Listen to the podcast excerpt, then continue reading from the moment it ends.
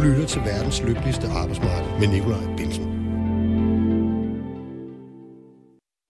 Han var en af de første, der satte spørgsmålet om nedslidning og differentieret tilbagetrækning på dagsordenen.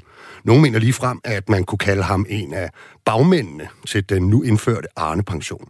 Men kampen for bedre arbejdsmiljø for de danskere, som arbejder i fysisk hårde jobs, og deres ret til en tilværelse i livets efterår, der ikke er præget af skavanker og daglig pilleindtag, stopper ikke ved lovgivningen om ret til tidligere pension. Nu skal den føres ude på arbejdspladserne. Navnet er Ole Velast, netop genvalgt som formand for fagforbundet NNF, der organiserer landets slagteriarbejdere og øvrige ansatte i fødevarebranchen. Men hvem er bæren fra Kongens Lønby, og hvorfor indgik han en måske lidt opsigtsvækkende alliance med det borgerlige parti Venstre, om at den nu færdigforhandlede landbrugsforlig skulle indgå som et bredt forlig hen over midten, og at den grønne omstilling i det hele taget skal tage hensyn til eksisterende danske arbejdspladser.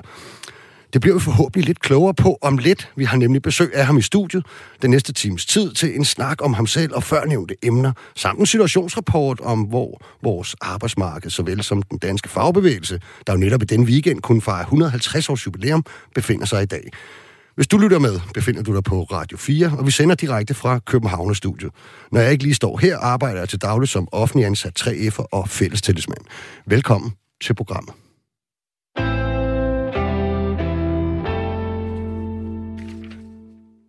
Og velkommen til dagens gæst, Ole Velast. Tak for det. Du er jo netop blevet genvalgt uden kandidat øh, til den post, du har siddet på øh, siden, er det siden 2005? Ja, det er det. Jeg blev valgt i 2004 ja. Og tiltrådte i 2005. Okay, tillykke med det. I har tak. små 20.000 medlemmer. Skal vi ikke lige få på plads, hvem de er? Så nu nævnte jeg slagteriarbejderne. Det tror jeg, dem de fleste forbinder med NNF. Øh, men, men hvem er det, I, I organiserer? Vi organiserer, som du siger, slagteriarbejdere. Vi øh, organiserer mejeriarbejdere. Vi organiserer bager- og konditorsvend, øh, vi organiserer sukker- og chokoladeindustrien, og vi øh, organiserer tobaksindustrien. Okay. Så hvis man skal tale virksomheder, så er det sådan noget navne som Tulip, Arla Foods, ikke? og Karen Wolf, som laver småkager, eller, eller Kammerjunker ja. til koldskål, hvis man, er, hvis man er til den slags. Ikke? Jeg tænker på det sådan, det er jo, det er jo ret bredt, egentlig. Ja. Altså, det, det er bredere, end man lige skulle tro. Jeg, det, det har altid slået mig om om ikke der er meget stor forskel øh, på medlemmerne egentlig i jeres forbund. Altså, jeg tænker på, at der er meget stor forskel på, om du står hos en lille bagermester med, med 3-4 ansatte, eller du er på et kæmpe slagteri med flere hundrede, måske over 1000 ansatte. Ja. Der findes faktisk ikke mange slagterier med under 1000 ansatte. Nej, okay. Men det er da rigtigt, der er der stor forskel i vores medlemmer, men til gengæld kan man sige, at vores fagforbund er også blandt de ansatte og valgte, vi har, er jo bredt sammensat af de brancher, som mm. vi har. Så vi har egentlig meget godt øh, fingeren på pulsen, hvad der sker i de forskellige brancher, selvom de er meget forskellige, og i virkeligheden også skal have forskellige behandlinger, fordi de har forskellige behov. Ja. Hvad, hvad er det, NNF står for? Bare lige så ja, lytterne med. Sådan for god ordens skyld, ja. så uh, hedder vi Fødevareforbundet NNF ja, i dag. for at gøre det nemmere at forstå simpelthen. Ja. ja. Men i gamle dage hed vi Nærings- og Nydelsesmiddelarbejderforbundet, ja. og det er kommer NNF. Ja. Og da vi skiftede navn, så ville vi ikke droppe NNF, okay. fordi det var sådan set det, vi var kendt for, og det var det, vi blev ja. omtalt. Så derfor kom vi så til at hedde Fødevareforbundet NNF. Var der sådan nogle konsulenter inde over den der opgave, med at, der var en Ole Vetters ind over. okay, det, den træffede du den beslutning. ja.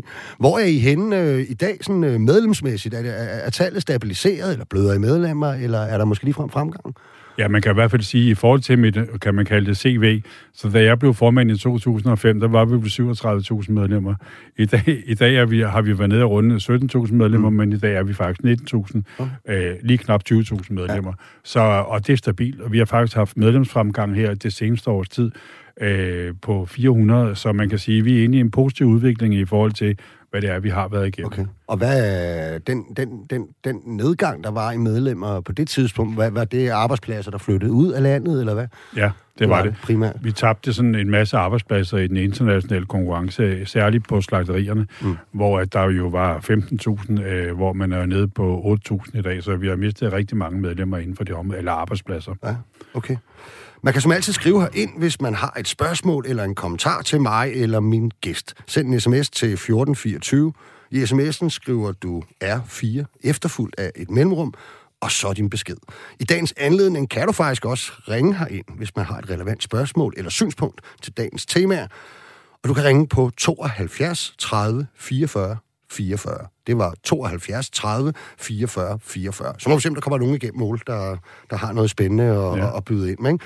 Altså, og man kan jo godt høre, når, når, når du nævner de der fag, at, at det, I organiserer, jeres medlemmer, det, det er jo godt gammeldags, kan man næsten kalde det, hårdt fysisk arbejde. Ikke? Altså sådan et job, hvor man øh, går i bad efter øh, arbejdsdagen om, øh, frem for inden man møder ind øh, på arbejde. Ikke? Øh, så der er jo ikke noget mærkeligt i, at I har rejst debatten om, øh, om nedslidning. Øh, øh, øh, I mange år har I rejst den der debat, ikke?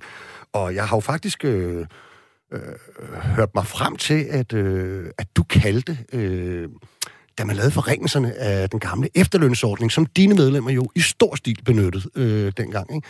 så kaldte du forringelserne af det for den største svinestreg i, i din tid. Det var sådan lidt voldsomt ord. Hvad var det, øh, hvad var det øh, du mente? Ja, jeg, øh, jeg mente jo faktisk det, jeg sagde. Okay. At det er simpelthen det værste røveri, der nogensinde er lavet over for en ganske almindelig lønmodtager, ufaglært det var, da man ændrede efterløn, øh, og at det faktor jo i virkeligheden afskaffede, og mm. det kan vi jo se i dag. Der er jo ikke nogen, der går ind i efterlønsordningen mere, fordi der er ingen, der tror på den. Nej, det er cirka 17 procent ja. af alle lønmodtagere, ja. og blandt ja. de unge er det tal ja. meget lavere end ja, ja.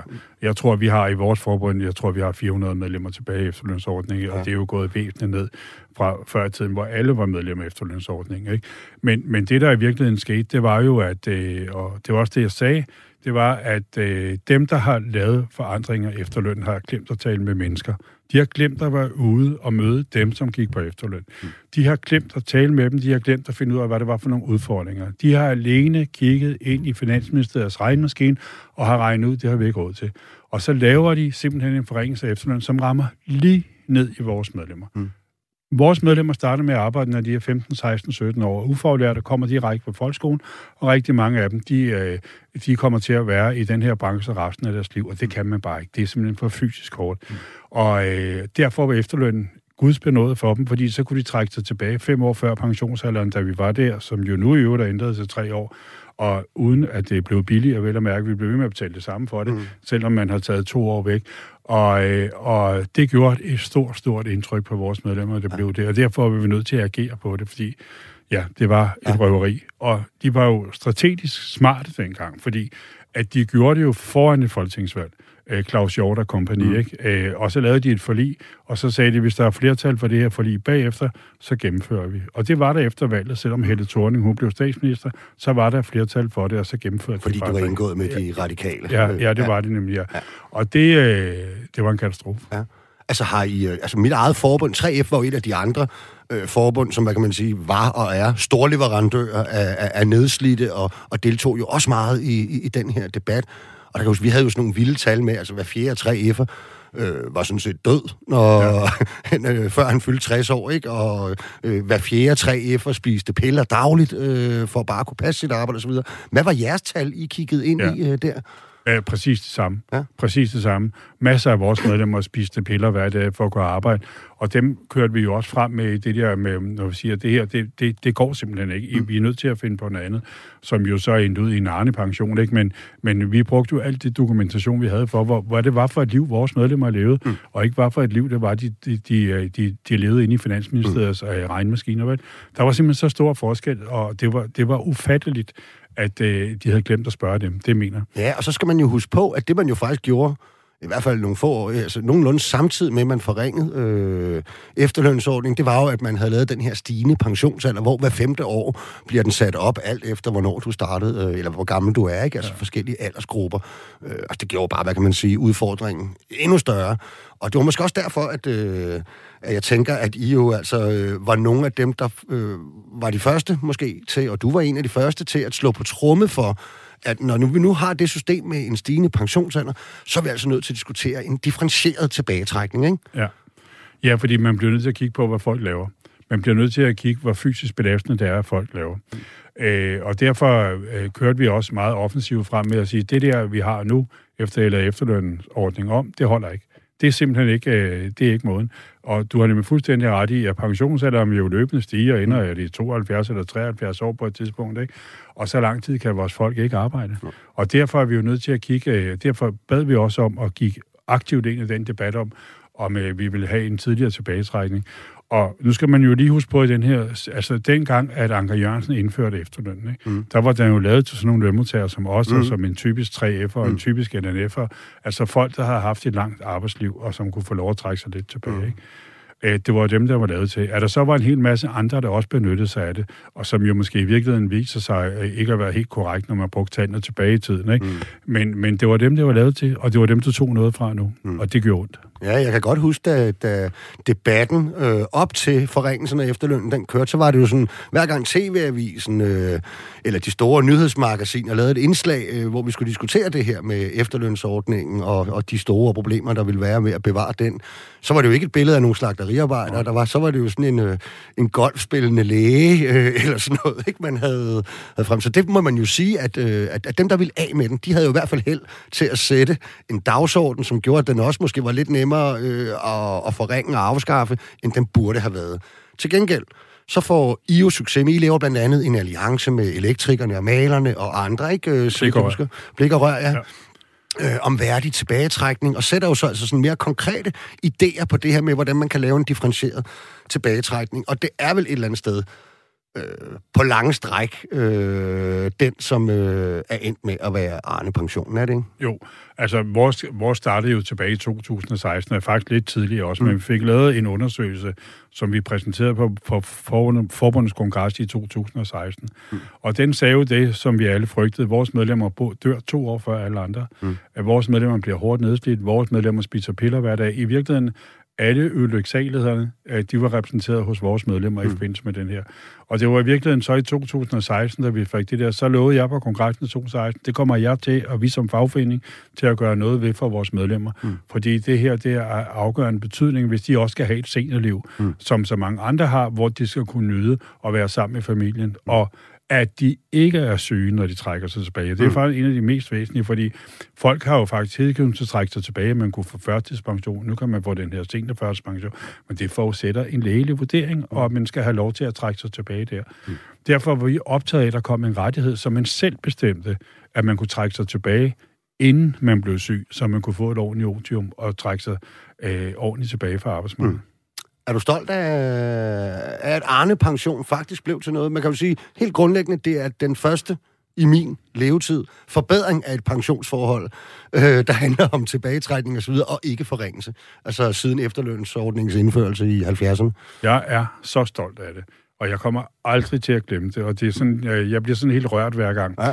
Da vi havde kongres sidste gang øh, her i, i, øh, i slutningen af september og i starten af oktober måned, der var det jo selvfølgelig meget omtalt, selvom det er noget siden, at det er hørt op. Og der var bare ros og anerkendelse hele vejen rundt fra vores medlemmer, ikke kun fra vores medlemmer, men også fra samarbejdspartnere og alle andre, mm. for at vi blev ved med at kæmpe den kamp.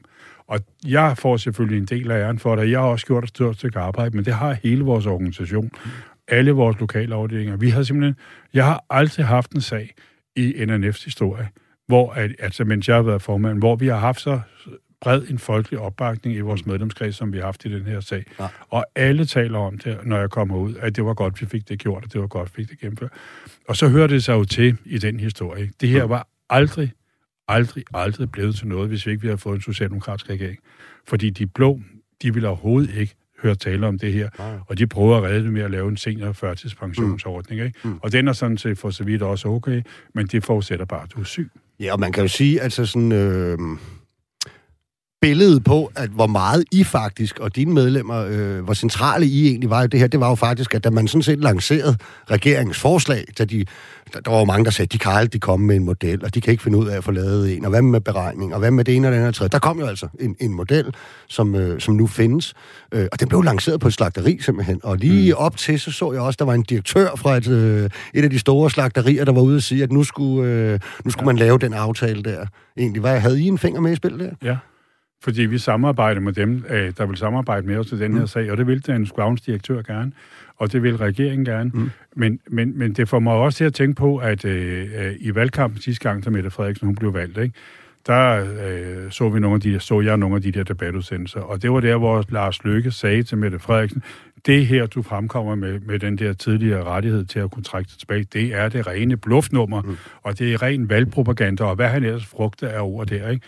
Og ved du hvad, Øh, hans ord, de må jo stå til skamme i dag, mm. fordi Mette Frederiksen, hun har faktisk gennemført det, og Peter Humlegård, altså hele den socialdemokratiske regering, og deres, altså, og deres øh, tanke på, at de medlemmer, som vi har, har nu gennemført det her. Så der må der være nogle af de der blå politikere. Mm.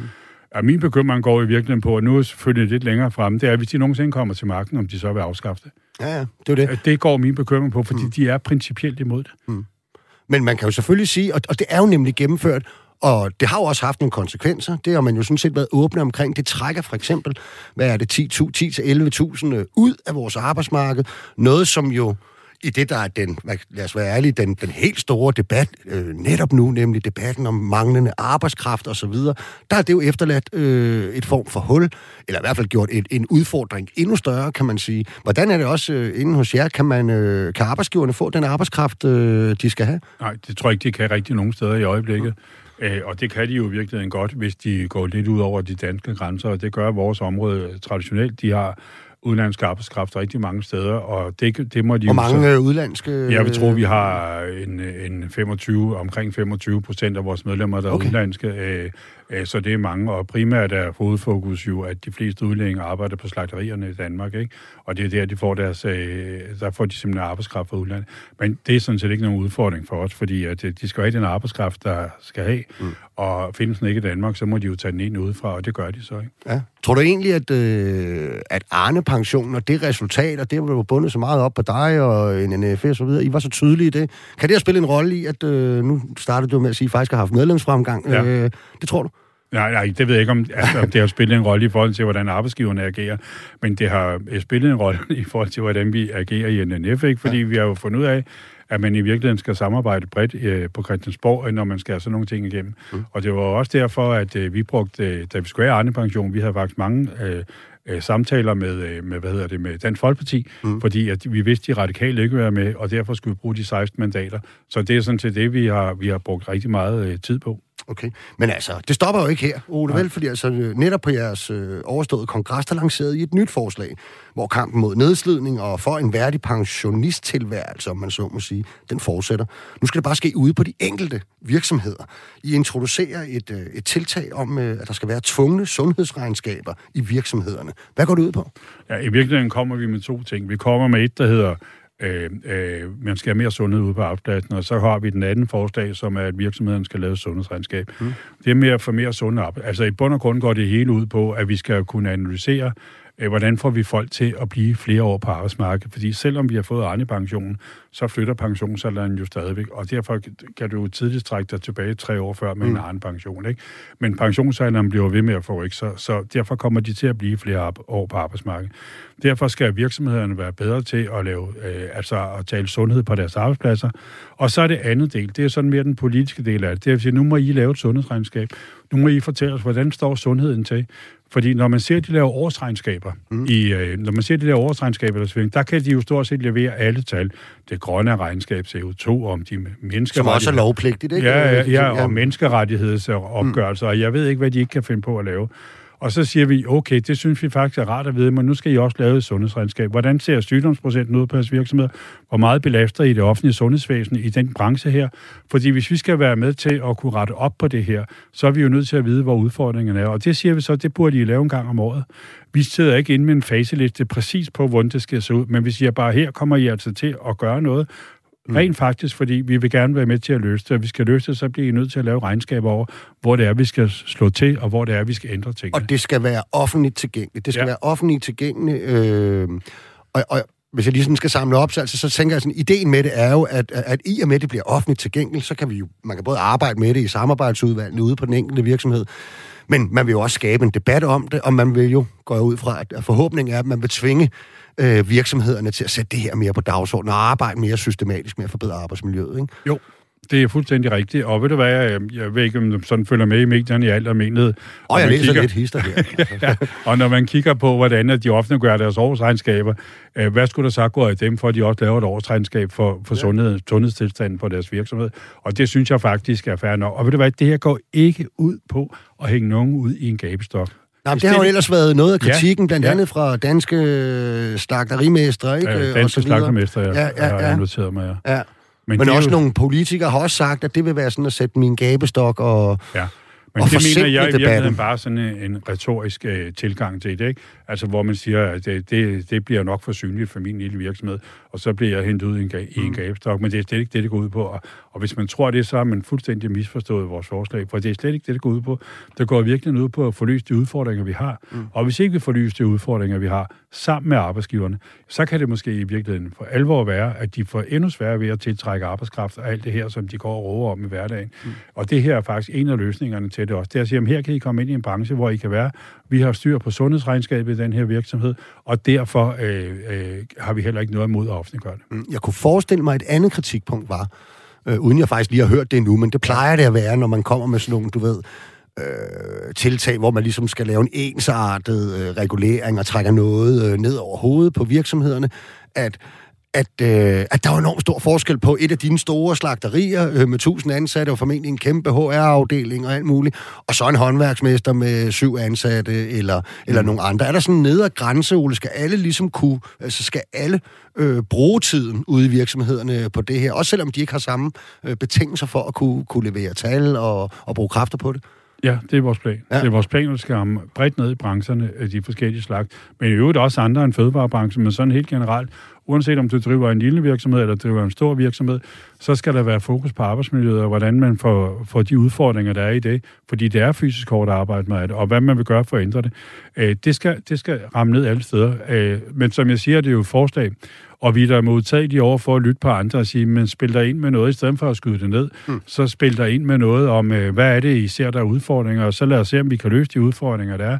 Men vi holder fast i vores hovedpoint, det er, at man skal offentliggøre et sundhedsregnskab, Ja. og så kan vi diskutere, hvad indholdet skal være i det. Men man skal kunne gøre det, og det sundhedsregnskab, men, men, men skal offentliggøre, skal kunne bruges til noget. Det skal mm. ikke bare være et eller andet øh, smykkeskrin. Nej, nej, og I, I har jo ja. Nemlig nogle forslag til, hvad det ligesom skal, skal indeholde, ikke? hvor at, øh, hvis vi lige skal stusse lidt over, over noget af det, ikke? Så, øh, så er der for eksempel også, vi have en, øh, en liste over vikarforbrug. Hvorfor Ja. det? Ja, i virkeligheden for at kende virksomhedens omkostninger ved at tage mm. vikar ind, fordi det er jo også, altså man kan sige, der hvor man tager mange vikar ind, der er de øvrige medarbejdere presset af, der kommer nye folk hele tiden, og det ikke er en stabil arbejdskraft, der er. Og det er med til at give stress og med til at påvirke de medarbejdere, der Okay. er, fordi at de kommer til at lave noget mere, og vikar er jo sådan noget, der er der to dage ad gang, og så er de ude igen, mm. så kommer der tre ind på et andet tidspunkt, men det er tre nye, og man skal løbe dem op, så det stresser mm. øh, de medarbejdere, der går derinde, når de får øh, dem, som er fastansatte, når der kommer nye medarbejdere. Så er der også øh, antallet af arbejdsskader og udgifter til erstatninger. Men kan det ikke forsimple tingene lidt for meget, Ole? Fordi at mange øh, arbejdsskader kan jo være øh, behøver ikke nødvendigvis at være på en arbejdsplads, hvor du bliver Nej. specielt nedslidt. Det kan være øh, et uheld, og rigtig mange af vores arbejdsskader er jo faktisk altså sådan noget faldulykker, og ja. øh, man glider i et kabel, der ligger på gulvet, eller en måtte, der ikke er ordentligt fast, og sådan nogle ting at sige, ikke? Men det er jo en del af arbejdsmiljøet. Ja, altså uanset om det er. Og så længe det er noget, der sker på en arbejdsplads, så bliver det jo forvejen registreret. Og i virkeligheden, så kan de jo bare putte det ind og så en regnskab her. Og så er det rigtigt nok, så prøver vi at gå lidt op, hvad er omkostningen for virksomheden for det her? Fordi i stedet for at komme ud for det her, så kunne det være, at man kunne bruge pengene mere klogt. Mm. Øh, I stedet for at skal bruge dem på at sende folk hjem med sygdom eller med en arbejdsskade eller noget andet. Så det er i virkeligheden det, der er målet, og det er også derfor, at vi siger, at det, det vil være fornuftigt også at offentliggøre det. Bliver der generelt, synes du, øh, investeret for lidt i arbejdsmiljøet ude på vores virksomheder? Og for eksempel også altså, øh, investeret for lidt i teknologi, der, øh, der kan forbedre vores arbejdsmiljø? Jeg synes faktisk, at vores branche er meget godt med. Men Mm. man skal bare se sig i øjnene, at teknologi kan ikke løse alle udfordringer. Mm. Fordi der er bare noget arbejde, der er fysisk hårdt, hvor du ikke lige kan sætte en robot eller noget andet ind. Det er fysisk hårdt arbejde. Men, og, og det vil der blive ved med at være. Og så skal vi finde ud af, hvordan at det slider mindst muligt på folk mm. med noget rotering, eller hvad der nu skal til. Ikke?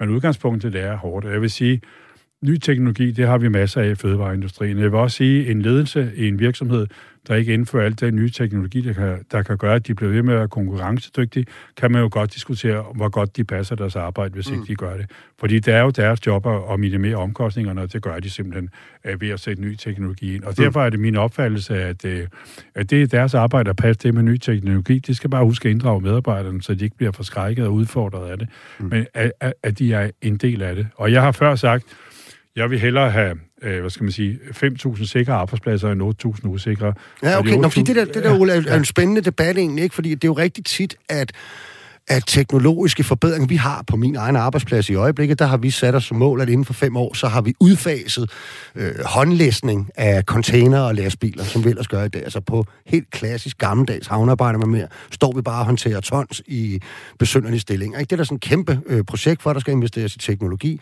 Men jeg kan jo også godt regne ud, at det betyder, at der måske skal være lidt færre øh, ja. af mig og mine kollegaer. Og det er vel altid debatten for os, at teknologi, som nogle gange er ment som en aflastning af os, også kan ende med en afvikling af os, eller hvad? Ja, Jamen, det tror jeg, du har ret i, for ny teknologi, altså det gør jo, at der formentlig skal være færre til at lave det samme, som der har gjort, inden man fik den nye teknologi. Men til gengæld er vi jo i en situation i øjeblikket, hvor man kan få arbejde alle steder. Mm. Men, men, men det bygger jo på det der med, at man skal huske hele tiden, som, også som medlem af LNF, men også alle andre steder fagbevæg, at man skal sikre sig selv via uddannelse, så man mm. i virkeligheden er klar til også at forlade den her arbejdsplads, mm. øh, hvis man vil. Øh, og derfor er uddannelse jo en af løsningerne også på, at den nye teknologi, den kommer. Det er, det kan så godt være, at du skal lave noget andet en dag, øh, kan jeg medlem, men vi må bare sørge for, at du er klar til at lave noget andet. Og det betyder jo, at man skal uddanne sig, uddanne sig, uddanne sig, mm. øh, også i hele sit arbejdsliv. Så man bliver ved med at bevare sin værdi på arbejdspladsen. Og det gør man ikke, hvis man ikke uddanner sig. Nej, det er jo klart. På jeres kongres, der behandlede I også to andre øh, ret interessante forslag, synes jeg. Det ene, det handlede om sådan kollektiv øh, privat lønforsikring. Det andet om en tandlægeforsikring. Ja. Øhm, det var foreslået af jeres hovedbestyrelse, men det blev altså ikke stemt igennem. Øh, den, den, den, den blev tabt, den afstemning, mm. og man så Men jeg ville godt tale om det, fordi jeg synes, det er, et, øh, det er et spændende fænomen, og det er noget, der bliver diskuteret i mange forskellige fagforbund i øjeblikket, hvordan man ligesom kan udvide øh, øh, varerne på hylden, hvis man kan kalde det det, øh, i fag fagbevægelsen. Ikke? Altså, hvad handlede øh, forslagene om lønforsikring øh, først? Ja, lønforsikringen, den handlede jo om, at man skulle kunne få forøget dagpenge i seks måneder i, i starten af sin ledighedsperiode. Øh, det, der sker på vores kongres, det har du ret i, det er så, at det, det bliver forkastet. Og de, jeg tror, de, at i de seks måneder, altså, der kunne man få op til 40.000 om måneden. Øh, I virkeligheden var vores ønske her, altså jeg skal måske starte et andet sted. Årsagen til, at vi har stillet forslaget, er i virkeligheden, at vi jo solgte alle de her Alka-aktier og blev et meget rigt forbund og fik rigtig mange penge i kassen.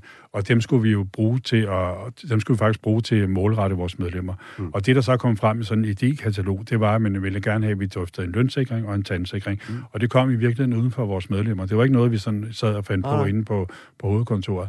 Og det har vi så bearbejdet i et par år og har kommet frem med forslaget til kongres. Nu blev vores kongres jo udskudt i et år, fordi mm. der var corona. Vi skulle endelig have haft den for et år siden. Men man kan så sige, at det, der forstyrrer lønssikringen, det er jo så det forslag, der kommer fra regeringen. Ja. Hvor de lige pludselig kommer ind med altså lige... Tre nu, måneder for højt. Ja, ja, ja. Og det kommer jo 14 dage før vi har kongres, og det reagerer folk jo på. Ja. Og selvom vi siger, at vi er nødt til at tage udgangspunkt i, hvordan det ser ud nu, mm. øh, fordi det, at regeringen har foreslået, er jo ikke kommet igennem endnu. Det skal jo først til at forhandles, mm. så vi bliver nødt til at tage det udgangspunkt på nu. Men det tror jeg faktisk var en væsentlig årsag til, at der ikke blev noget. Og så er der bare forskellige opfattelser af, om hvorvidt man skal forsikre sig via et forbund på den her mm. måde. Mm. Øh, og det kom jo så også til udtryk på vores kongres. Den mm. anden del af det, det var jo sådan set, øh, vi har jo nogle af vores brancher, øh, i forhold til tandforsikring, bagerbranchen, sukker- og chokoladebranchen, øh, ja, faktisk øh, også møllerier og sådan noget har vi også, ikke? hvor man er udsat for meget påvirkning af tænder i form af... Er det fordi, de spiser så meget slik? Ja. Øh, nej, det er det ikke. Det er nu mere melstøv og sukkerstøv og alt sådan noget, man bliver udsat for på tænderne. Ja. Og der ville vi faktisk gerne have, at man kunne lave en tandsikring, og det havde vi også arbejdet med. Mm. Det øh, mente vi faktisk selv. Hvad dækkede den over, den tandsikring? Den dækkede over, at du kan gå til tandlæge, og så havde du en selvrisiko på 1000 kroner, og den var fyldt op, så kunne du så betale efter sådan nogle specielle regler, der mm. var for forskellige ting. Men virkningen var i virkeligheden, Øh, og, og der kommer vi vel op i den der debat, at øh, der kommer vi i den debat som forbund, at vi er så forskellige, mm. som du startede med at spørge om, øh, med forskellige brancher, og der er nogen, der er påvirket af det, der er andre, der ikke er påvirket af det. Men det her var faktisk tænkt som noget, vi skulle forære vores medlemmer, øh, men at vi, øh, ja, det blev ikke til noget. Øh, men det var efterspurgt, men ikke øh, på de kongresdelegerede. Vi var jo 300 kongresdelegerede, og det blev desværre stemt ned. Øh, så vi fik ikke nogen hverken lønsikring eller talsikring, og det var faktisk skulle være medlemskode. Sådan er det jo nogle gange, Ole. Man, øh, ja. man taber jo afstemninger i nyrene. Man kan ja, ikke gå ja, hele og, og, og i virkeligheden gik det ud på, at man skulle selv finansiere de 25 procent, resten betalt forbundet mm. af nogle af de der alkapenge, vi havde fået, mm. øh, og det udbytte, vi får af det. Men øh, det, det sagde man nej til. Øh, dels på grund af, at man skulle betale for det, noget af det selv, og dels fordi, at øh, vi blev forstyrret lidt af det forslag, der kom. Mm. Og så er der vel også sådan en politisk opfattelse af, at det nu er noget, at vi som fagforening skal tilbyde. Er det ikke det offentlige, der skal ind? Ja, øh, også med tand, øh, tandsikring. Ikke? Mm. Øh, men jeg synes ikke lige, det ligger i kortene i øjeblikket. Ja. Okay. Jeg vidste, at Arne-pensionen var for godt til at være sandt. Man skal ud og lege detektiv for at bevise, at man har været længe nok i arbejde. Jeg har sgu ingen bevis for de 1600 kroner, jeg fik i måneden, da jeg startede som 16 år i 1979. Med venlig hilsen Ivan. Der er jo nogle få, der har været fremme, eller der har været flere fremme med det her, ikke? og der er jo nogle huller i det. Det er måske lidt præmaturt at tale om, at, at, at hele systemet er skævt, men, men vi har jo hørt, at der sidder rigtig mange inde på Rigsarkivet, almindelige mennesker nu, og, og leder efter gamle gamle øh, lønsedler øh, fra kuverter ja. og det ene og det andet. Ikke? Ja. Der er et lille hul der måske, eller hvad hun? Ja. ja, i virkeligheden er det jo... Altså, jeg har jo sagt i den her sag, og, og jeg vil sgu ikke blande mig i, hvordan man administrativt øh, skal kunne dokumentere tingene. Det må være nogle andre end mig, der skal forholde sig til det. Men det er da bekymrende, hvis man har haft nogle arbejdstimer. Nu er 1600 kroner. Der er jo noget med, at man skal minimum have 15 timer om ugen, for at man kan...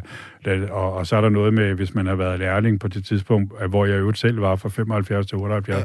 så indtalte man ikke ATP som lærling, men ja. man var jo i arbejde. Og sådan er der masser af byråkratiske regler, som man skal opfylde, men jeg vil bare sige, at... Øh, kæmpe videre, altså øh, og skaffe den dokumentation. Og er der virkelig nogle af vores medlemmer, som har svært ved det, så må vi prøve at understøtte dem så godt, som vi overhovedet kan som fagforening, mm. for at hjælpe dem med det. Du lytter til verdens lykkeligste arbejdsmarked med Nikolaj Bensen. Fuldstændig korrekt, og vi sender live fra Radio 4's Københavner-studie, hvor jeg har fået fin besøg af formanden for Fødevareforbundet, NNF. Vi har talt en del om deres netop afholdte kongres, og især om den mangeårige kamp imod nedslidning og for en værdig tilbagetrækning, som jo altså nu har resulteret i et helt nyt forslag om tvungne sundhedsregnskaber i landets virksomheder. Vi taler videre med forbundsformand Ole Velast i resten af programmet, og skal blandt andet berøre hans position i hele spørgsmålet om grøn omstilling og den netop indgåede landbrugsaftale, der jo har stor betydning for de danskere, der arbejder inden for den sektor. Hvad mener du som lytter i øvrigt om det, og synes du, vi skal høre det, så kan du enten skrive herind på 1424, skriv R4, og så din besked efter et mellemrum. Du kan også prøve at ringe herind på 72 30 44 44. Så kan det være, at du kommer igennem. Um, jeg synes, vi skal gå lige på den der landbrugsaftale, Ole. Skal vi ikke øh, Lad os prøve. ja, snakke om ja. den? Ikke? Altså, den, den kom jo øh, for nyligt efter, hvad kan man sige, meget langstrakte, og hvad der udefra i hvert fald lignede meget svære øh, forhandlinger om en grøn omstilling af dansk landbrug. Så landede der altså det her brede politiske forlig fra enhedslisten til nye borgerlige og alle partier ind imellem. Det er kompliceret stof, og jeg kan lige skrive om det. Det er ikke mit normalt sådan, fokusområde. Altså, det er ikke det, jeg ved mest om, altså. Men hvis, man skal holde tungen lige i munden, ikke? Og hvis jeg skal trække nogle punkter frem, som jeg forstår det fra, fra aftalen, så er det, at den indeholder et bindende klimareduktionsmål for landbruget på 55-65 procent i 2030, hvilket svarer til mellem 6,1 og 8 millioner tons drivhusgasudledninger. Derudover er partierne blevet enige om at reducere landbrugets kvælstofudledning, der er en central årsag til ildsvind og fiskedød i de danske vandmiljø, med 10.800 tons. Miljøindsatsen den baseres på frivillighed, men i aftalen indgår der samtidig en miljøgaranti, der betyder, at man kan øge den målrettede regulering i tilfælde af, at den frivillige indsats ikke viser sig effektiv nok. Som jeg forstår det, så skal man altså genbesøge aftalen, jeg tror det er 23 eller 24 allerede, og så vurdere, om der er behov for skarpere krav og tiltag, hvis man ikke er frivillighedens vej ligesom kan komme i mål med, med de her tal. Ikke? Øhm, I var jo fremme. Altså, øh, det, synes, altså, det synes jo at være sådan et helt bærende princip, øh, er det i hvert fald endt med i den her aftale. Ikke? Øhm, og det har jo ellers været debatten inden, altså hvor meget skulle landbruget betale, hvor meget skulle de bidrage med osv. Og det, det synes nu at være det bærende princip for, for et flertal af, ja, meget bredt øh, flertal i Folketinget, at, at, at landbruget i Danmark, om man så må sige, skal udvikles, ikke afvikles. Ikke? Og der er jo også en masse økonomisk støtte, øh, og der er et, vel egentlig et stort hensyn til altså selve erhvervet og de eksisterende arbejdspladser. I var jo fremme undervejs i de her forhandlinger med et krav om, at der skulle være et bredt forlig hen over midten, og i et for nogen måske sådan lidt særligt øh, parløb med partiet Venstre. Øhm, så du er vel egentlig en glad mand i dag, jo? Ja, det er. Og øh, øh, der er som også nogen, der har spurgt lidt ind til, hvorfor jeg har lavet det der samarbejde med ja. Venstre. Øh, det tror jeg virkelig, både Venstre og jeg havde en idé med, fordi ved du hvad, øh, øh, alle vores arbejdspladser, de øh, har udgangspunkt i primærlandbruget i Danmark. Det vil sige, at alle vores råvarer, de kommer derfra. Det er jo lige meget, om det er korn, det er heste, grise, køer eller får, eller hvad man nu kalder, så kommer det fra landbruget. Mm. Og hvem har fingrene dybt inde i landbruget? Det har Venstre. Øh, Venstre har hele, de har meget stor indflydelse på, hvad der sker i landbruget. Jeg sidder på den anden side, man kan sige det sådan. Jeg repræsenterer alle de medlemmer, der arbejder med de råvarer, de får fra landbruget. Og derfor havde vi selvfølgelig en fælles interesse i, at, øh, at de arbejdspladser, de blev der. Mm. Og det var i virkeligheden det, vi etablerede et samarbejde med Venstre om. Det var netop at sikre, at, der, at vi ikke flyttede arbejdspladser ud af landet. Mm. Fordi det kunne meget nemt være sket, hvis ikke der var kommet et bredt forlig. Øh, så tror jeg i min interesse for landbruget, at øh, når jeg talte så meget med bredt forlig, så gik det faktisk også ud på, at, øh, at det ikke bliver lavet om hele tiden. Mm. Altså, øh, hvis man siger... Der nu har, ro om branchen. Der kommer ro, og ved du hvad, den branche, den fortjener ro. Den, og, og ved du hvad, der er jo altid nogen, der har en mening om landbruget, som er negativ, ikke? Mm. Øh, fordelen ved at lave bredt fordi det er, at man får lukket nogle af de der sager, der giver dårlig omtale øh, i medierne i al almindelighed, når vi taler landbruget. Og derfor øh, var et bredt forlig afgørende for os, for at man, øh, for at man fik ro. Mm. Og derfor er jeg meget, meget, meget tilfreds med, at man har lavet et bredt forlig. Og jeg er faktisk også... Øh, Øh, man kan jo mene meget om politikere, men jeg er faktisk stolt over, at de politiske partier og folketingspolitikerne har kunnet formå at lave sådan en. Det har jo været meget kompleks sag. Altså, det, altså jeg vil sige, jeg kan heller ikke det her i detaljen, fordi det er simpelthen tal og tal og tal ja, og tal ja, ja. og tal. Ikke? Og man skal virkelig nærmest være uddannet, jeg ved ikke hvad, for at kunne øh, ja. gennemskue det her. Og øh, øh, øh, vores fødevareminister, Rapsens Prehn, som jeg er meget stor fan af, har faktisk formået øh, og få det her til at hænge sammen. Og det kan godt være, at det har taget lang tid, og det kan godt være, at det har krævet mange møder. Men som jeg siger, skide nu værd med det. Mm. Vi fik et resultat, og det er sådan til det, der er fokus på. Og den tid, der så er gået med alle de møder, de er kommet godt igen i den sidste ende. Og alle ved jo, når man forhandler, og det har jeg sørme prøvet mange år, ikke med Christiansborg, men med arbejdsgiver, at det er jo de sidste 10 minutter, at de sidste timer af forhandlinger, de sidste løsninger skal findes. Mm. Og der har de formået øh, både, øh, både bredden og Varme og formået at få det her skruet sammen på en måde, så alle kunne være med. Og det synes jeg faktisk er godt gået, og jeg er lidt stolt af, øh, at vi har en socialdemokratisk regering, som har formået at få det her igennem så bredt, som de har, for nu er der ro. Og jeg tror også, hvis du spørger landmænd, eller deres brancheorganisation, Landbrug og Fødevare, eller Venstre, eller Konservativ, eller hvem det nu var, at de har den samme opfattelse, at nu er der ro, og nu kan branchen arbejde, nu kan de lave investeringer, nu kan de udvikle, og det er i virkeligheden det, de har haft behov for at få afklaringer på. Mm. Og det vil jeg mene, de har fået nu.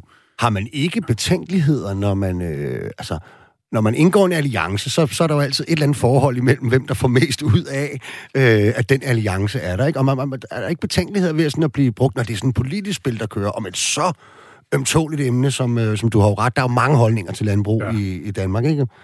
Jo, og vi har vores holdning i NNF om det her, ikke? Og der er nogle andre, der har nogle andre holdninger. Øh, men, men, men, men, men, men, men skal, altså, hvis, altså, jeg går ikke ind i det arbejde med det billede, der skulle blive misbrugt i nogle situationer. Men jeg ved, at jeg er fuldstændig med på, at der er en risiko for det. Altså, mm. sådan er spillet, og sådan er gamet. Men, men det er jo ikke med den baggrund, vi går ind. Vi faktisk ind, fordi vi har en sag, som vi synes, vi gerne vil påvirke, mm. og som betyder noget for vores medlemmer. Og det er sådan set derfor, vi gik så meget ind i, i landbrugsforhandlinger og har haft en god dialog med rigtig mange politikere.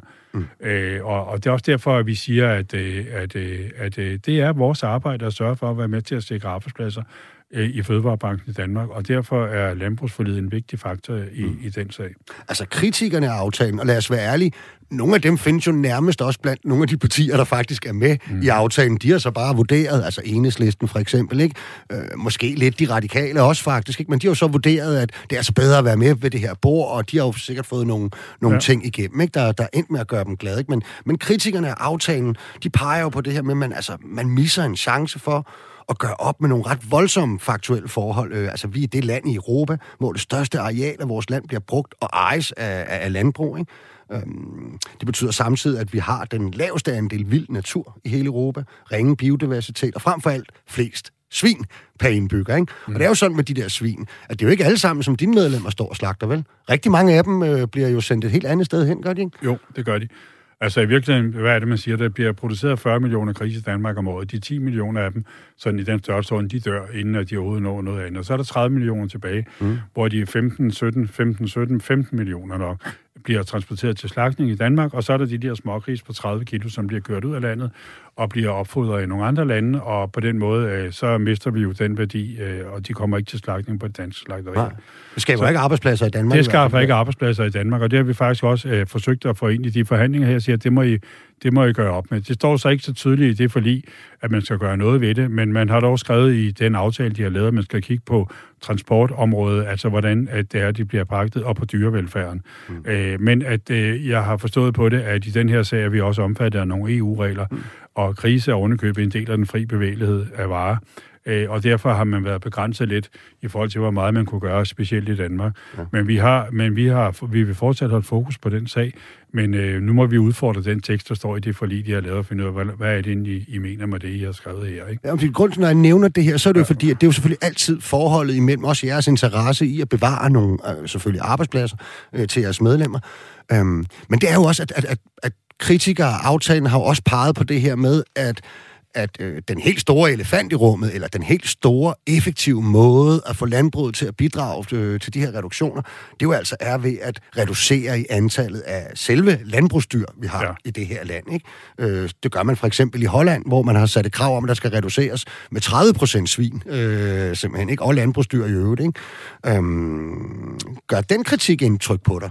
Altså, og det var måske også være en vej ind i det i virkeligheden, som måske endda ikke behøvede at betyde, at I mistede arbejdspladser hvis ja. vi tog det for det, vi sender ud. Ja, og det har vi faktisk sagt. Det er okay. der, I kan også redde noget af CO2-udslippet.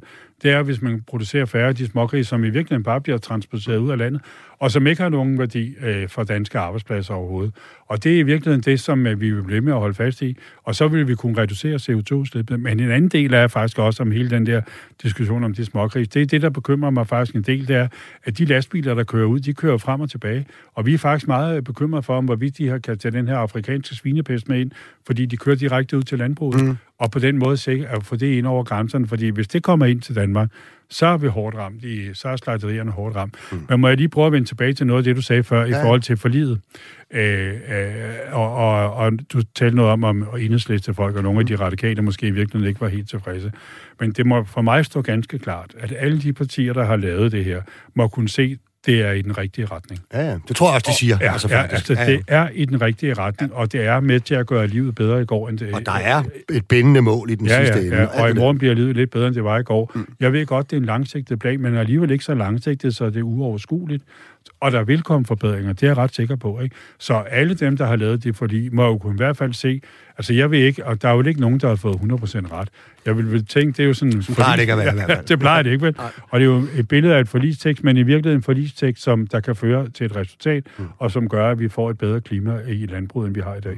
Et andet centralt element i aftalen, det har været, at partierne har fokuseret meget på at fremme produktionen af plantebaserede fødevarer, ja. frem for at give øh, hug til husdyrsproduktionen. Det har man blandt andet gjort ved at øremærke 75 millioner kroner årligt til en ny fond for plantebaserede fødevarer.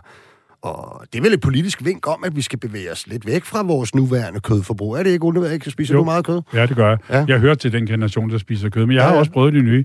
Opfordret nogle politikere til at sige, at det ja. skulle altså tage at prøve Følger det. kostrådene? Øh. ja, det gør jeg nok ikke helt. Men, okay. men i hvert fald har jeg da prøvet det, fordi at, så er det svært at tale om, om det er godt eller dårligt. Men, du skal jo også spise det mad, dine medlemmer arbejder med. Det er jeg med på. Ja, ja. ja, det er jeg helt med på. Men i virkeligheden går det også ud på, at øh, jeg tror på det plantebaserede, og vi mm. tror, der er en udvikling i det. Om hvorvidt hvor mange job, der er i det, øh, det tror jeg kommer sådan, der skal man kigge langt øh, for at få det. Og der ligger også nogle eksporteventyr i det her. Ja, jeg, lige præcis. Ja, kunne man ja. ikke, Ole, altså, jeg vil lige vil sige, kunne jeres medlemmer ikke i virkeligheden omskoles til at have med det plantebaserede at gøre? Jo. Der skal vel være alt muligt forarbejdning og så videre. Og så tage et endnu større hug øh, fra det, det gammeldags øh, landbrug og alle de der, øh, alt, hele den der svineproduktion, øh, vi har. Vil, vil det gøre så meget?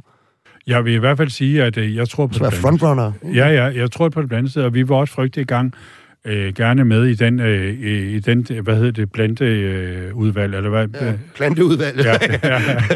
Plantebaseret fødevareproduktion. Ja, ja, det vil vi frygtelig gerne med i at være med til at påvirke det, fordi vi er faktisk gået ind i den debat, og vi er faktisk en del af den plantebaserede branche, og vi vil gerne som organisation sige, her har vi en sag, som vi gerne vil være med til at lave, for vi tror på udviklingen af det. Og derfor mm. har vi også politisk diskuteret det i Fødevareforbundet NF og blive enige om, det er en sag, vi går ind i, og den følger vi stærkt op på, fordi vi tror, det går i den retning. Mm. Jeg har jo set nogle virksomheder, øh, hvor jeg har set, at øh, hvor maskinen øh, kørte om lørdagen, øh, når man lavede øh, noget af det her ærtebaserede, øh, ærtebaserede øh, råvarer, så kunne man sige, at øh, øh, fra at køre om lørdagen, så kører den hver dag nu. Mm. Så man kan simpelthen se, at der er, der er simpelthen en udvikling i det, som er positiv og som går i den rigtige retning. Mm. Og derfor tror vi også, vi tror simpelthen på, at det bliver en del af det. Og ved du hvad, nu spurgte du før, om jeg spiser kød. Ja, jeg spiser mere kød, end jeg spiser plantebaserede varer. Men jeg kan tænke, at jeg kan sige, at mine børnebørn, som øh, er fra 8 år og så op til 17, ved du, at de spiser meget mindre kød, end jeg gør, mm. og spiser nogle helt andre ting. Og ved du hvad, når de engang får børn, så tror jeg, at kød det er noget, man skal have om lørdagen, og så er det jo et foregår det plantebaseret. Så jeg tror simpelthen, der er en udvikling i det, her. Det tror du ret i. Og man kan måske ligefrem sige, at der også er nogle yngre generationer, som måske ikke helt forstår, at vi skal, nu bruger jeg ordet, jeg ved ikke, om det passer, men altså bruger ordet, at vi skal tage så store hensyn til, til landbruget, for eksempel. Ikke? Som jo, der, der er jo unge mennesker, der ja. ved, at vi skal presse meget mere på for det her, ikke? Øh, øh, og gå meget mere drastisk til værks i virkeligheden. Ikke? Og der kan man vel sige, for det er, jo, det er jo en spændende debat, det her med at forsvare de arbejdspladser, man har, altså inden for... Vi kender det jo selv, altså nu er vi i København, ikke? Og Altså, jeg har flere kammerater, der er udlært på BRV, øh, ja. for eksempel. Ikke? Min morfar arbejdede på Carlsberg, dengang der var 12.000 ansatte i hjertet af København. Ikke? I min egen fagforening er vi sammen med Posten, som hvert år bare hælder flere, hvad kan man sige, medlemmer til os ned ad brætte, fordi der bliver altså ikke sendt breve længere, vel? Det går kun en vej. Mm. Men det der, man kan jo ikke stoppe al udvikling, Nej. og det skal en fagforening vel heller ikke. Nogle gange skal vi måske ture og være, være det progressive Og være med på udviklingen, ja. og være med til også at tegne den, ja. og være med til at sætte os på den, og være med til at påvirke den. Øh, og det er også derfor, vi tror på det der med det positive i hele det der med det plantebaserede, ikke? Men, men det er jo sådan nyt. Altså, ja. altså, det er jo sådan noget med, at vi er i gang med en kortdækning af det, og finde ud af, hvor er det egentlig, inden de producerer det, og, og hvordan er det med alle de virksomheder? Har de nu overenskomster? Sådan, måske man sige, den klassiske fagforeningsopgave i den sag. Men der er bestemt også noget med, med, med en politisk ting her, ikke? Øh, som vi også vil forsøge at påvirke så meget som overhovedet muligt. Mm. Men vi tror på det, og vi er med på det, og vi vil gerne have, at det Fødevareforbundet efter tegner billedet på det plantbaserede ja. fremadrettet. Nu har vi talt en masse om øh, både jeres politiske forslag og indflydelse på den politik, der foregår, Ole. Ikke? Øhm, vi taler om, hvem du repræsenterer, men hvem er Ole Velast øh, egentlig? Ja, ja, som jeg siger, så, som du siger, så hedder jeg Ole Velast, og jeg er oprigtigt uddannet bagersvend. Ja.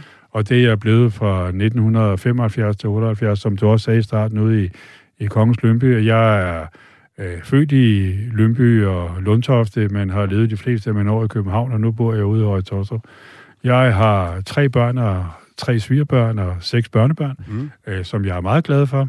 Og så er jeg gift med Susanne, som, øh, og Susanne og jeg, vi bor i Høje Tostrup, og der har vi boet i 15 år, inden vi flyttede inden for Blå Hvor, Hvorfor blev du, øh, hvorfor øh, blev du bærer? Det var måske i virkeligheden lidt tilfældigt. Ja. Øh, det var det dengang, ja, måske? Det var, det var ikke sådan noget velovervejet noget. Men jeg var måske ikke den skarpeste kniv i skuffen i folkeskolen. okay. og, så, og så fik jeg muligheden for, at jeg kunne se, at jeg søgte en, en lærling. Øh, og så kan jeg huske, så fik jeg min mors hjælp øh, dengang, øh, og så gik vi ned og snakkede med dem, og så blev jeg ansat, og så fik jeg lov at gå ud af skolen, og så fik jeg lidt prøvetid, og så kom jeg i gang på den måde. Og jeg elsker det fag den dag. Hvad lavede en bager dengang? Hvad var det, det for samme noget? som i dag. Det var bare lidt mere surbrød, franskbrød, formbrød, ja. sigtebrød. Det var ikke alle de der moderne ciabatta og sådan noget. Det er noget, der er kommet til. Der var ingen italienske navne. Nej, det var der ikke. Der var sødmælks franskbrød og sådan noget, og, og klassisk vinerbrød og klassiske kager og alt sådan noget. Ikke? Sigtebrød, synes jeg ja. ikke, man ser så tit på Nej, middagsbordene det gør man ikke. i Danmark. Det, det gør man min ikke. mormor altid det skal op med. ja, det var, men... Øh, men så kan man sige, i forhold til mig, sådan, så, så blev jeg valgt som tillidsrap. Da jeg var færdig med at være uddannet, kom til at arbejde mm. i FDB, hed det dengang. Øh, og så blev jeg så tillidsmand for alle bagersvendene, der var i hovedstadsområdet. Det var cirka 150. Der jeg også arbejdet. Ja, ja, der var vi 150 vende, øh, men vi var jo ikke mere end to-tre stykker på hver arbejdsplads. Øh, men der blev jeg så valgt som tillidsrepræsentant der, jeg tror det var i mm. 81. Og så, så kom jeg ind, og så gjorde jeg noget fagligt arbejde der, og så kom jeg i vores Københavns afdeling mm. i 1985 som et fuldtidsjob, øh, hvor jeg kom til at være politisk ansvarlig for vores A-kasse i København. Så jeg har fået sådan lidt A-kasseopdragelse også. Og ja, og så i 87, der endte jeg så inde som faglig sekretær i forbundet. Og der har jeg så været siden, så jeg har ja. været der i rigtig mange år. Og taget lidt den slagende vej, kan jeg høre. Ja, det har jeg. Og, og tilhører jo så den absolute top øh, af, af den fagbevægelse, som jo faktisk her i weekenden kunne fejre 150 års jubilæum. I hvert fald arbejderbevægelsen fyldte ja. 150 år. Ikke? Og ja. det er jo så også, øh, det er fagbevægelsen jo, må man sige, en, øh, en del af. Ikke? Der var stor gadefest i Rømersgade inde ved Arbejdermuseet, mm. og senere var der kæmpe fest et andet sted i byen. Var du med øh, ja. til den? Ja. Jeg var jeg med dels til Socialdemokratiets uh, reception, der var i Arbejdermuseet, og så var jeg med uh, til uh, fagbevægelsens fest bagefter. Jeg havde ja, ikke fået nogen invitation. Ja. Altså, der er, øh, man, man, jeg er åbenbart ikke vigtig nok øh, der. Men ja, jeg, jeg var jo også på ved, arbejde, så det går Jeg nok. ved ikke, hvad for nogle kriterier, de har inviteret Nej. i. Men det var som sædvanligt også en, øh, en god fest. Øh, den var måske lidt hæmmet af, at, øh, at det var fredag for efterårsferien. Så der var nogle folk gik sådan forholdsvis tidligt, fordi Nå, de, de skulle hjem og holde ferie ved at tænke. Men er der noget at fejre, øh, Ole, for, ja, for Dansk ja, der er masser af sejre at fejre. Ja. Altså, øh, Øh, nu, øh, hvis man havde deltaget i det, man har hørt alle de øh, folk, som i virkeligheden har, har haft indflydelse. Altså, der var til reception på Arbejdermuseet, der var Poul Ny og Rit Bjergård, og holde tale sammen med Mette Frederiksen, og som i virkeligheden meget klassisk job er det vi har nået. Hvordan er det egentlig lønmodtagerne får indflydelse i Danmark, og helt tilbage fra 1871. Og det er jo i virkeligheden en fantastisk fortælling, som der så i øvrigt også er skrevet en bog om. Øh, øh, og på samme tidspunkt blev fagbevægelsen i virkeligheden etableret, som Socialdemokratiet blev, og alle de sejre, der er nået, og den respekt, der er kommet omkring fagbevægelsen i Danmark fra alle sider, er jo også en, en, en, en altså fordi vi har leveret en vare igennem alle de år. Varen har været forskellig, fordi der er jo som sagt gået 150 år, og det er forskellige ting, som vi har haft på dagsordenen. Og vi behandler jo bestemt ikke helt det samme i dag, som man gjorde dengang, hvor man ikke nogen havde nogen rettigheder som lønmodtager, og hvor man fik indført en masse rettigheder, som vi andre i virkeligheden kan glæde os over i dag, at der er, øh, så vi måske også kan bruge tiden på mm. at kigge på lidt andre ting, end de helt klassiske hvad er de, hvad, hvad er de største udfordringer på arbejdsmarkedet lige nu, og som, som ifølge dig kræver handling? Ja, den største udfordring, som vi hører om i øjeblikket, det er den der mangel på arbejdskraft mm. og mangel på faglærte. Altså, hvor folk ikke går ind i erhvervsuddannelser i samme omfang, mm. som de tager de gymnasiale uddannelser. Ikke? det er en udfordring, der er for fagbevægelsen, mm. og det er en udfordring, der er og i virkeligheden, så tror jeg, at det bund og grund går i virkeligheden ud på, at der skal noget mere studievejledning til i folkeskolen, og virkelig nogle brancher, så man skal med nogle ting, hvis man også vil have arbejde bagefter. Ikke? Mm. Øh, og det tror jeg er en udfordring. Den kommer vi til at arbejde meget med, og trepartsaftaler med, og jeg ved ikke, hvad der måtte ske her, men vi kommer til at gøre noget ved det, fordi det, det er en udfordring. Og det er lidt trættende at høre på, at arbejdsgiveren bliver med at spørge efter arbejdskraft, øh, øh, og ikke vil have den arbejdskraft, der jo der er nu, fordi de jo så påstår, at den ikke er kvalificeret, hvilken jeg ikke er enig med dem i, fordi selvfølgelig er den er kvalificeret. Spørgsmålet er jo, hvad for nogle vilkår det tilbyder mm. dem, som de tilbyder arbejde. Ikke? Mm. Det er jo en lidt anden, hvad kan man sige, hovedorganisation og fagbevægelse, som du er en del af toppen af øh, i dag. Ikke? Altså for nogle år tilbage, der lagde man jo FCF og det gamle, øh, som LO. vi to kommer fra, LO, øh, ja. lagde man jo sammen. Altså simpelthen, ikke? Jeg kunne godt tænke mig at høre øh, dig, om man Øh, kan du mærke en forskel i øh, hovedorganisationen? Hvordan er, øh, de, de, er du, du, nu vil du sikkert ikke sige noget som helst om det, vel? Men, øh, jo, jeg synes at vi altså, jeg synes jo, at her betyder størrelse jo noget. Altså, at man er en, og repræsenterer 1,3 millioner medlemmer, det betyder noget. Mm. Altså, det i sig selv berettiger, at man gjorde det, man gjorde jeg vil også godt erkende, at vi har der, vi har der, altså jeg synes, vi har der nogle ting, vi skal tale om. Mm. Fordi vi er sørme meget forskellige nu. Mm. Vi er jo ikke som før i tiden LO Classic. Ja. Altså, det er vi bare ikke. Vi har fået nye medlemsgrupper ind, og som man i virkeligheden skal omfavne, og, og, og, og vi har simpelthen forskellige problemstillinger. Altså, og vel også forskellige traditioner for, hvordan man arbejder altså, politisk og alle de ting. Man ja. kan sige, i, i, i Fødevareforbundet efter har vi måske 20 offentlige ansatte, resten er privatansatte, ikke? Hvorimod, når man kommer over, jeg tror omkring 50 procent af medlemmerne nu i, i FH, øh, de, er, de er offentlige ansatte. Ikke? Og, det, øh, og der er bare en meget, meget, meget stor forskel på øh, at kigge på den offentlige sektor og kigge på den private sektor. Og der tror jeg, der har vi nogle snak til gode med hinanden om, hvordan vi får gjort det samarbejde til en styrke for begge parter. Mm. Øh, og jeg står sgu ikke med en faseliste på det, men, øh, men vi kommer til at tale om det, fordi at... Øh, at udover at vi skal være mange medlemmer, og det i sig selv er en styrke, så tror jeg faktisk også, at vi skal arbejde på, at sådan hele systemet bliver styrket. Og vi er jo, sådan en som mig har jo kigget lidt åbne på den der sygeplejekonflikt, og siger, mm. hvad pokker er det, der sker der? Der sker jo noget, som aldrig vil kunne ske på det private arbejdsmarked, nemlig at det enkelte forbund får lov at stå tilbage øh, med en konflikt. Det vil jo aldrig ske på det private mm. arbejdsmarked, fordi at der er der sådan en solid opbakning til hinanden, og om ikke andet, så kan det jo blive omfanget af et mm. til sidst. Og enten går vi alle sammen i strække, eller så går ingen af os i strække. Mm. Og der har man ovenkøbet en anden systemopbygning i det offentlige, system. som, Helt andre som, som, øh, som, hvis ikke man er rigtig godt og grundigt inde i det, og det er jeg ikke, men man kan stå udenfor og kigge på, det var der alligevel besønderligt, at det kunne ende sådan. Nu skal du lige øh, gøre den her periode som øh, formand færdig. Altså, der, der venter vel en pension derude, eller skal du måske lave noget andet på et tidspunkt? I man skal aldrig sige, hvornår man holder op, for det kan folk huske. Ja, eller holde øje med. Ja. Men i virkeligheden, så er jeg nu 62. Jeg er lige blevet 62 i sidste uge, og når jeg så har kongres næste gang, så er jeg 66, og så skal jeg jo øh, snakke med min hovedbestyrelse om, de synes, jeg skal fortsætte, eller ja. ikke skal fortsætte. Altså, hvis der skulle, du skulle finde på noget andet at lave, ikke, så er der lige her til sidst kommende sms. Det lyder lidt som om, at han læfler lidt for den siddende regering. Er der måske en lille politiker gemt i maven hos dagens gæst? PS, i så fald får du min stemme. Så det var der at lukke ned på en øh, positiv måde. Høre, ja. jeg håber, Men det er synes, der ikke. Det er der ikke? Nej. Nej, okay. Ellers håber jeg, jeg synes, det har været en fornøjelse at være herinde. Jeg har i hvert fald synes, det har været både en spændende og, og interessant snak, vi har haft. Tak, øh, Ja. tak for de pæne ord, og tak fordi jeg måtte komme. Det er jeg glad for. Det er i hvert fald lidt. Ole Velas, formand for Fødevareforbundet NNF.